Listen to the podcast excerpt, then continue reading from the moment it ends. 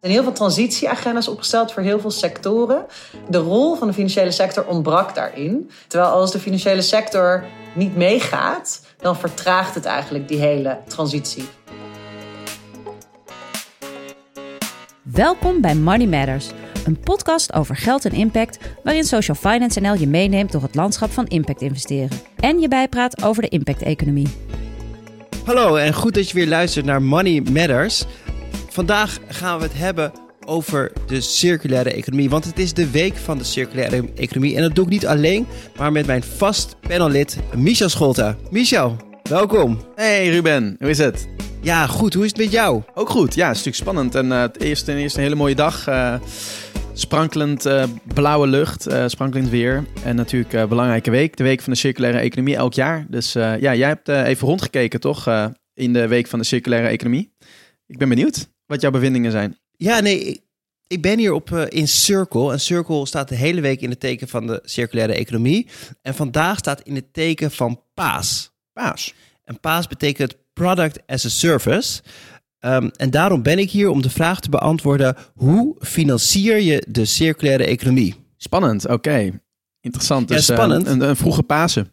Ja, vroeg Pasen. En ook belangrijk, want het is prachtig weer. Maar um, de cijfers liegen er niet over. Het Circular Gap Report is uh, door Circle Economy gepubliceerd. En die laat zien dat de circulariteit in de wereld afneemt in plaats van toeneemt. Het staat nu op 7,2% is circulair en de rest is nog oud lineair.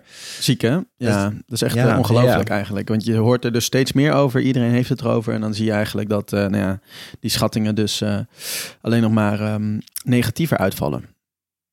Wat, uh, wat is jouw gevoel? Wat, wat deed ja. dat met je? wat dat met me deed? Nou, ik, ik denk wel dat, dat het is zo logisch. Ook vanochtend weer, het, het circulaire model is zo enorm logisch om toe te passen. Ja. Um, maar, maar het gebeurt niet en dat komt door allerlei hobbels. Nou, en we gaan kijken of, uh, een van die hobbels is financiering. Dus we gaan ja. kijken of we in deze podcast kunnen kijken van... hey, welke hobbels moeten daar weggenomen worden?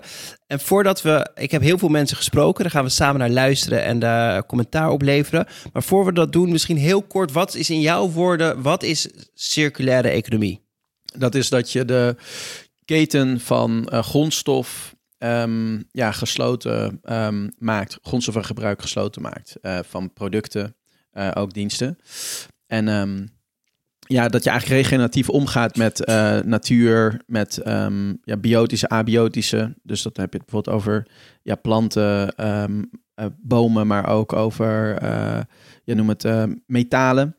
En dat het allemaal helemaal in een kringloop is, zodat je ja, veel langer um, de producten kan gebruiken, maar ook dat je geen afval hebt, geen chemische ja, vervuiling, zoals microplastics. Dus dan heb je eigenlijk een economie uh, die uh, ja, duurzamer is. Dus dat is een beetje de definitie die ik uh, daarvoor hanteer.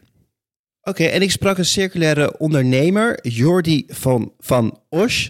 Hij is een kaasondernemer, Kitchen as a Service. Um, en met hem ging ik in gesprek of hij tegen problemen aanloopt als het gaat om het financieren van zijn onderneming. Wat verschilt Chainable van een reguliere keukenboer? Bij Chainable maken wij circulaire keukens. Dat doen we voor woningcoöperaties en beleggers in Nederland. En wat wij anders doen dan traditionele keukenleveranciers, is dat wij de volledige verantwoordelijkheid over onze producten nemen gedurende de hele levensduur. Dus wij doen daarbij al het service en onderhoud aan de keuken. En hebben de keuken zo ontworpen dat uh, deze keuken volledig demontabel is en eigenlijk remontabel. Zodat we alle materialen in die keuken of direct zelf her kunnen gebruiken als een keuken terugkomt. Of um, terug kan gaan naar, naar onze partners, onze leveranciers. Zodat zij die materialen kunnen refurbishen en recyclen. En op die manier uh, proberen we dus iedere keuken terug te nemen. Uh, en juist verantwoordelijkheid te nemen voor alle keukens die we maken. En je noemt dat uh, kaas, keuken as a service. En had je ja volle kaas, magere kaas en lichte kaas. Vertel, wat is het verschil? En milde kaas, inderdaad. Nou, wij, uh, wij hebben dus een circulair product, maar alleen een circulair product, daar heb je niks aan. Als je dat traditioneel de markt inzet, dan ben je nog steeds de verantwoordelijkheid kwijt en weet je niet waar die producten zijn. Vandaar dat we onze producten alleen maar wegzetten via een circulair businessmodel. En dat noemen we inderdaad Kitchen as a Service, oftewel kaas. En we hebben drie smaken kaas, uh, waarbij Kitchen as a Service de kapstok is. Uh, waarbij we dus echt die verantwoordelijkheid nemen over wat we maken. En daaronder hebben we drie proposities. De eerste is echt Ehm, ja, kaas is een puurste vorm, volle kaas, waarbij we eh, de keuken ehm, per maand wegzetten, uh, eigenaarschap houden over die keuken en aan het einde van het contract de keuken terugnemen. Nou, de tweede variant is, is milde kaas, waarbij we de keuken in een terugkoopverplichting wegzetten. Waarbij wij dus verplicht zijn de keuken terug te kopen voor een bepaalde restwaarde die we samen afstemmen. En daarbij wel de apparaten in een lease hebben. En de laatste variant is een koop-terugkoop op zowel de keuken als de apparaten. En bij alle drie varianten hebben we een servicecontract waardoor wij zeker weten waar die keuken is. Um, ja, wat de status is van die keuken. En zeker weten dat we dankzij onze service die restwaarde kunnen garanderen. Dus ja. En uh, zeker voor die volle kaas, dan staat, staan al die keukens op jouw balans. Is dat te financieren? Uh, ja, volle kaas doen we helaas. Uh, wel het minste van alle varianten. Uiteindelijk maakt dat voor de verantwoordelijkheid die we nemen niet zoveel uit. Uh, want we, zijn nog steeds verantwoordelijk voor die keukens ook die we wegzetten in milde of magere kaas. Uh, de keukens die wij in volle kaas wegzetten, die zetten wij weg via uh, een leasemaatschappij. en dat doen we omdat wij zelf die keukens op dit moment niet voor kunnen financieren. en we zijn daar zeker nog op zoek naar andere financieringsvehicles die ons daarbij kunnen helpen inderdaad. Om juist die uh, ja, die puurste vorm van, uh, van kaas meer weg te kunnen zetten. Maar dat kan op dit moment helaas nog, uh, nog niet zo vaak, omdat we daar de financiering niet, niet voor rond kunnen krijgen. Dus dat is wat dat betreft een mooie oproep aan de financieringsmaatschappijen in Nederland om met circulariteit aan de slag te gaan en, en circulariteit daarin toegankelijk te maken, ook voor start-ups en scale Ja, Michel, moeilijk financieren. Ehm, is, dat, is dat herkenbaar? Ja, absoluut. Kijk, de reden dat we zo langzaam gaan is dat ja, dat is denk ik drie belangrijke factoren. Mindset. Dus men wil eigenlijk gewoon nog steeds zoveel mogelijk geld, zoveel mogelijk winst.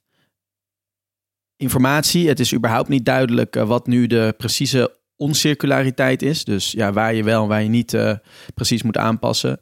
En um, prikkels. En dat is dat er gewoon geen ja, um, beloning is voor wel circulair inrichten. Um, het kost sterker nog heel veel geld.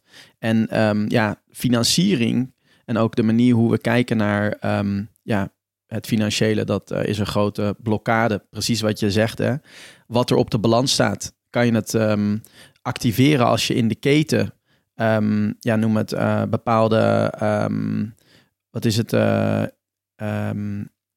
als je je keuken leest aan een klant gaat dat bij jou op de balans uh, of, of staat het dan op de balans uh, van een klant? En als het dan bij jou op de balans staat, uh, is het dan een hele grote, heel groot risico en um, kom je dan onder water te staan? dat soort vraagstukken, dat ja, is gewoon een accountingregel en dat um, is niet ondersteunend aan de circulaire transitie. Maar dat is maar één van de heel veel um, belemmeringen, ook bijvoorbeeld fiscaal, dat je er belasting over zou moeten betalen of niet. Hè? Dat is ook, ook zoiets. Dan ja, moet je dus eigenlijk um, geld afdragen terwijl je eigenlijk iets uh, duurzamers uh, doet. Dus dat zijn bijvoorbeeld uh, ja, ook weer financiële prikkels die niet kloppen. Het is heel dapper wat deze ondernemer doet. Maar hoe zie jij dat, Ruben? Want jij hebt natuurlijk ook um, in jouw. Uh, nou, je bent natuurlijk ook al een tijdje aan, uh, in de loopgraven van uh, de systeemtransitie op bijvoorbeeld circulariteit. Ja, inderdaad, want het is toch het zoveelste jaar hè, dat, het, dat er eigenlijk weinig progressie is. Of, of zie jij misschien toch een doorbraak? Dat je denkt, wauw, dit jaar is het echt anders. Dit jaar voel ik wel daadwerkelijk um, ja, dit soort ondernemers opkomen. Ook vanuit de overheid in één keer heel veel meer momentum. Nee, ik zie geen doorbraak. Ik denk wel als, als grondstoffen echt duurder worden, de true price, waar jij uh, dan, uh, dan komt het denk ik wel vanzelf. Want het is in principe heel logisch. Maar wat je wel houdt, is dat, nou, bijvoorbeeld als je keukens verkoopt, moet je dat een paar maanden voor financieren. En nu moet je dat misschien wel tien jaar voor financieren, omdat de keuken van jou blijft en je verhuurt de service. En ja, dat is gewoon echt een lastig. Uh, lastig te financieren. En wat ook wel leuk was, ik was in een, in een deelsessie. En daar zag je eh, de reuring tussen, tussen bankiers en ondernemers. Die ondernemers zeiden, financier ons nou maar gewoon. En die uh, bankiers vonden dat lastig. Maar um, er is wel echt besef binnen de financiële sector dat ze zich moeten aanpassen. Dus uh, financiers, maar ze werken ook samen met accountants en advocaten. En zeggen van ja, hoe kunnen we dit nou wel financieren? Nou, en daarover sprak ik Rob van Willigen. En Rob is paas-expert bij ABN AMRO. Dat is gewoon een functietitel tegenwoordig. En, uh, en hem uh, uh, vroeg ik naar zijn blik over hoe je nou wel die, dit soort circulaire ondernemers kan financieren. Cool, ben benieuwd. Ik sprak net uh, Jordi van Oost van uh, Chainables. En die, die zei van ja, banken moeten veel meer de circulaire businessmodellen financieren. Maar misschien kun, kun, jij uitleggen, wat maakt het financieren van een circulair businessmodel nou anders dan van een lineair, een normaal businessmodel? Ja, dat is een goede vraag. Uh, het grootste verschil zit hem in het feit dat je bij circulaire businessmodellen uh, cashflow in de toekomst gaat genereren. En je moet vooraf moet je investeren in producten. Dus je hebt eerst de kosten en daarna pas de baten. Uh, en het duurt ook vrij lang voordat die baten komen. Want als jij bijvoorbeeld een product voor, voor tien jaar gaat verhuren, of voor vijf jaar, dan duurt het dus nou, drie, vier jaar voordat je je kosten eruit hebt. En uh, dan pas ga je geld verdienen. Nou, en banken die kijken op, uh, ja, moeten we eerlijk in zijn, nog op, vaak op een lineaire manier met hun risicomodellen waar ze mee te maken hebben naar, naar financials van bedrijven. dus als we dan kijken naar een product as a service model, dan blijf je eigenaar van een product. Dat betekent dus dat je heel veel producten op je balans hebt staan. Dat betekent, zo noemen we dat, dat je balans verlengd wordt. En dat ten opzichte van je eigen vermogen. Dan heb je een lage solvabiliteit. En solvabiliteit is een van die parameters waar banken bijvoorbeeld op letten bij het verstrekken van een financiering. Een tweede punt wat lastig is bij dit businessmodel is zekerheden. Wij willen natuurlijk graag ook dat ons geld terugbetaald wordt. Uh, komt dat onverhoopt niet terug, dan willen wij de zekerheden uitwinnen, zoals banken dat noemen. Ja, als we een product, eh, als we een bedrijf hebben die producten verhuurt aan misschien wel duizend consumenten, dan staan die producten overal en nergens. En die, uh, ja, die zijn dan lastig uitwinbaar. Dus de, de dekking hè, is ook een component waar we naar kijken. Is uh, vaak ook wat lager dan bij een, een, traditioneel bedrijf. Daartegenover staat dat we natuurlijk wel toekomstige cashflow hebben en vaak ook contracten. Nou, en daar moeten wij ons nu met name op richten. En daar moeten we op financieren.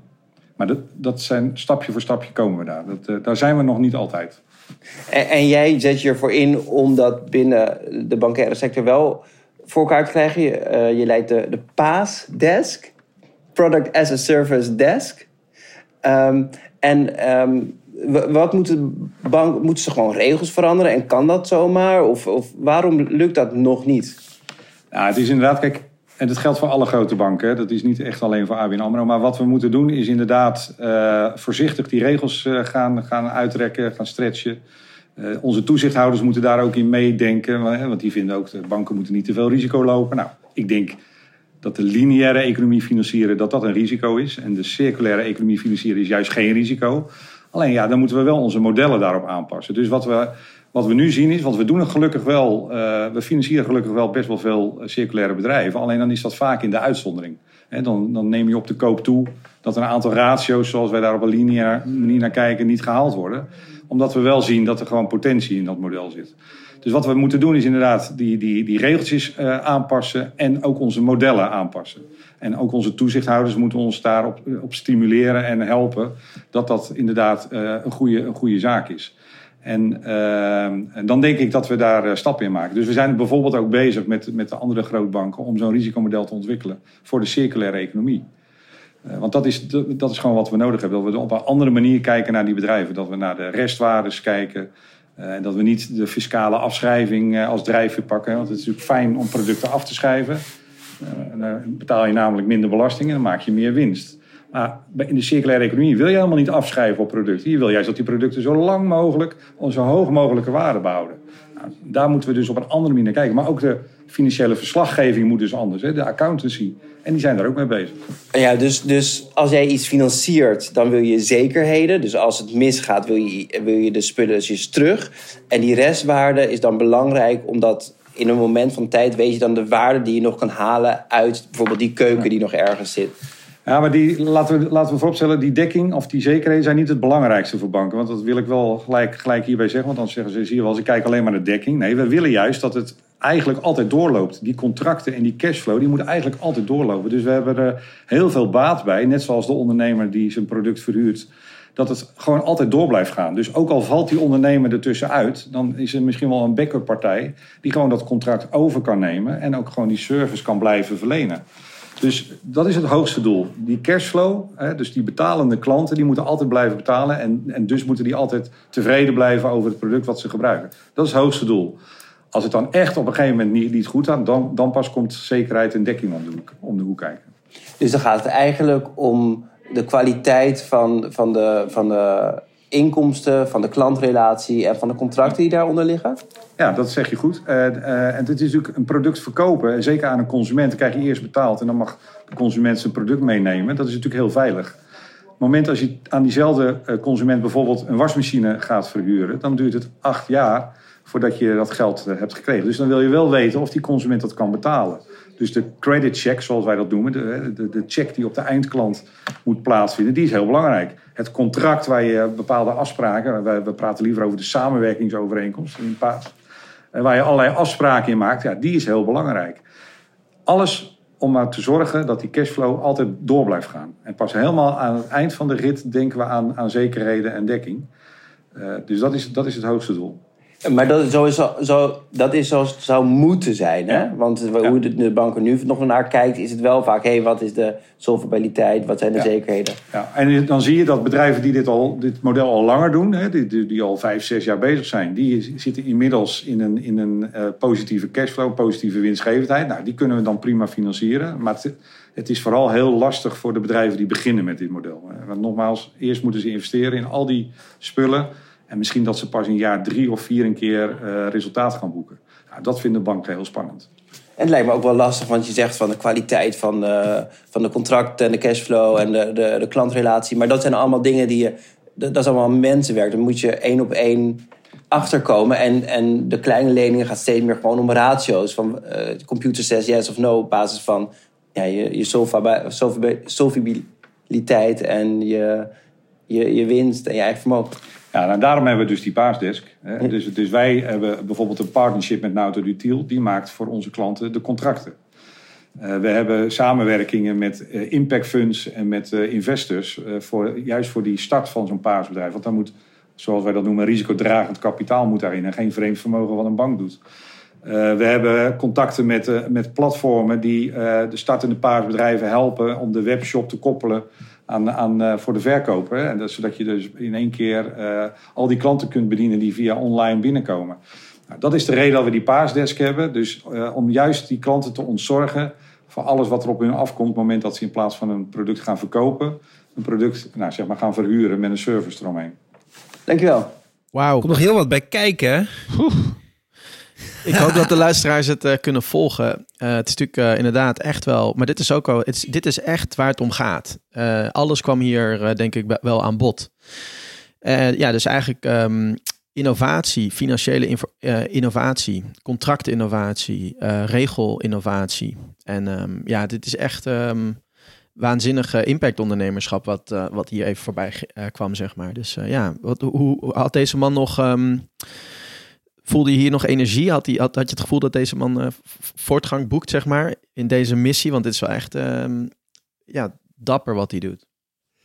Ja, nee, hij had zeker energie. En wat ik wel mooi vond, toen ik bij ABN AMRO begon en ook veel met thema's bezig was over duurzaamheid en, uh, en impact ondernemen, was het echt nog een, uh, ja, een afdelingje ergens ver weg en niet geïntegreerd in zeg maar de core, core business van de bank.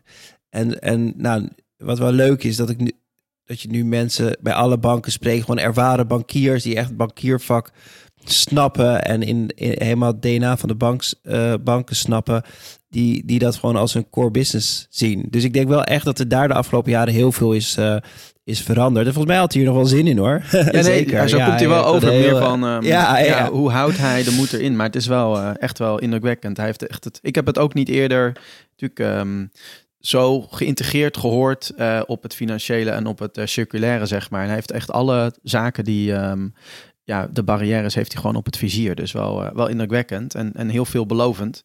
Ja, en je zou willen dat um, elke bank zo'n desk heeft. Weet jij of er meer banken zijn? Ja, nou, in ieder geval Triodos kwam aan bod. Ja. Dat is natuurlijk wel een, een bank die, die echt in een core heeft zitten. Dus die doet ook wel veel met circulair. Maar wat ook wel aan bod kwam, is dat um, het blijft gewoon heel moeilijk uh, financieren, omdat je zoveel moet uh, uh, financieren. Omdat al die, al die assets, dus al die keukens gewoon op je balans blijven staan. En daarom dat er ook wel heel veel gekeken wordt naar andere financiers. Dus leasing was deze ondernemer was, mee, was hiermee bezig.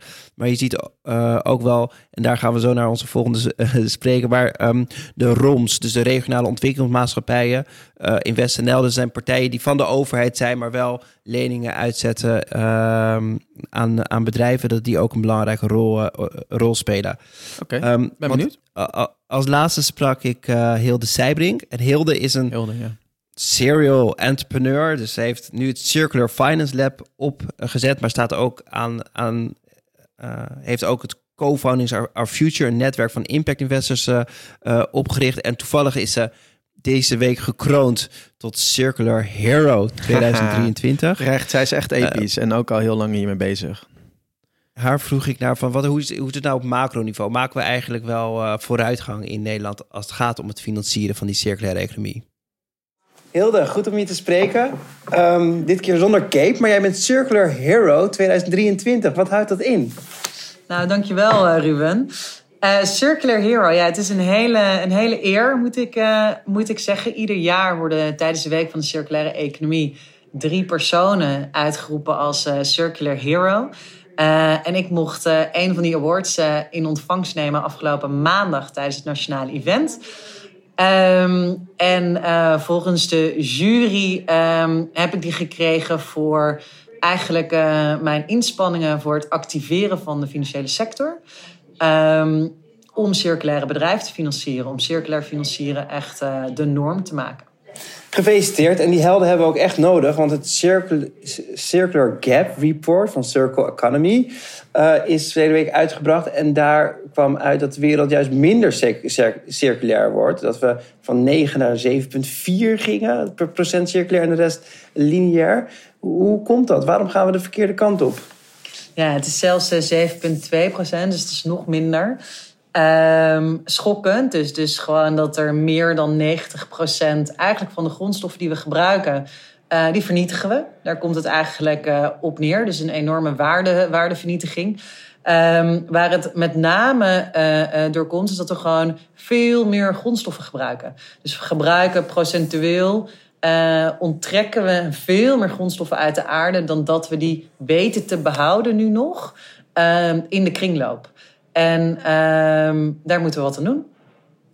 Ja, en, uh, en daarom zijn we ook hier. En is de week van de circulaire economie er. Ik ben een beetje uh, schor. Um, maar ik was, ik was aanwezig in jouw uh, workshop. En dat ging over het financieren van de circulaire economie. En ik zag ook wel een bepaalde wrijving tussen bankiers en ondernemers. De ondernemers zeggen, nou, financier me nou maar gewoon. En de bankiers vonden dat toch lastig. waar komt die wrijving vandaan? Ja, het is natuurlijk een, uh, een bekende wrijving en ook een, uh, af en toe een bekend spel wat er, wat er gespeeld wordt. Maar um, we zitten natuurlijk met, met echt passievolle ondernemers in de zaal. Um, mensen die uh, een circulair bedrijf hebben, die um, doen dat heel vaak ook gewoon heel erg omdat ze een intrinsieke motivatie hebben. En um, het is dan heel storend als je met een financier aan tafel zit die nog op een hele lineaire manier denkt. Die alleen maar kijkt hoeveel omzet maak je. En daar draait het niet om. Want juist een circulaire ondernemer die uh, kijkt naar hele andere waarden. En die kijkt echt naar waardebehoud. En heel veel van die elementen die kunnen op dit moment nog niet door uh, financiers op waarde geschat worden. Uh, komt onder andere doordat ze gewoon heel lineair zijn ingericht, uh, gebruiken risicomodellen. Uh, dus ze kijken naar een soort risico-rendementsverhouding. Um, en, en daar is, een, ja, er is nog een hele vertaalslag te maken tussen de ondernemers. Um, en de financiers, maar dat is ook waarom we hier vandaag zitten om die groepen iets dichter bij elkaar te brengen. Precies, um, want de workshop ging ook over oplossingen. Uh, kan je iets vertellen wat je aan het uh, doen bent en hoe je die partijen bij elkaar brengt? Uh, zeker. Um, wat een van de oplossingen is, is dat we hebben een agenda ontwikkeld. Um, de roadmap financiering circulaire economie. Die kijkt eigenlijk naar 2030. wat je ziet is dat uh, ministerie van Infrastructuur en Waterstaat heeft eigenlijk het doel gesteld: 2050 100% circulair, 2030 eigenlijk uh, op de helft. Uh, er zijn heel veel transitieagenda's opgesteld voor heel veel sectoren. Maar ehm, de rol van de financiële sector ontbrak daarin. Terwijl als de financiële sector niet meegaat, dan vertraagt het eigenlijk die hele transitie. Dus wat we hebben gedaan met de sector en voor de sector, is er een agenda ontwikkeld waarin we hebben gekeken van oké, uh, wat zijn de elementen waarop de financiële sector echt stappen moet gaan maken om circulair financieren de norm te maken in 2030? Dus we zijn uh, hard op weg met verschillende banken, met impactpartijen, met de overheid. Um, om te werken aan nieuwe risicomodellen, aan circulaire maatstaven, gewoon één taal. Um, aan nieuw instrumentarium wat passend is voor circulaire bedrijven. En ook om uh, de verdienmodellen echt financierbaar te maken.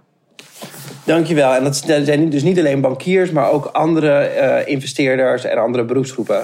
Ja, zeker. Dus um, we moeten ook niet alleen maar kijken naar de, naar de bankiers. Die zitten natuurlijk voornamelijk op ons spaargeld. En mogen daarom ook niet altijd uh, bepaalde ris ris risico's nemen. Dus de nieuwere spelers in de markt, zoals een InvestNL, uh, verschillende impactpartijen, maar ook het Rijk. Uh, spelen allemaal een hele grote rol eigenlijk hierin om dit te versnellen. En ook um, de regionale ontwikkelingsmaatschappijen. Dus de ROMS, um, die kunnen ook een enorme stap eigenlijk maken om die transitie naar een circulaire economie ook echt daadwerkelijk te realiseren. Dankjewel. Dat was Hilde. Ja, interessant. En uh, terechte punten.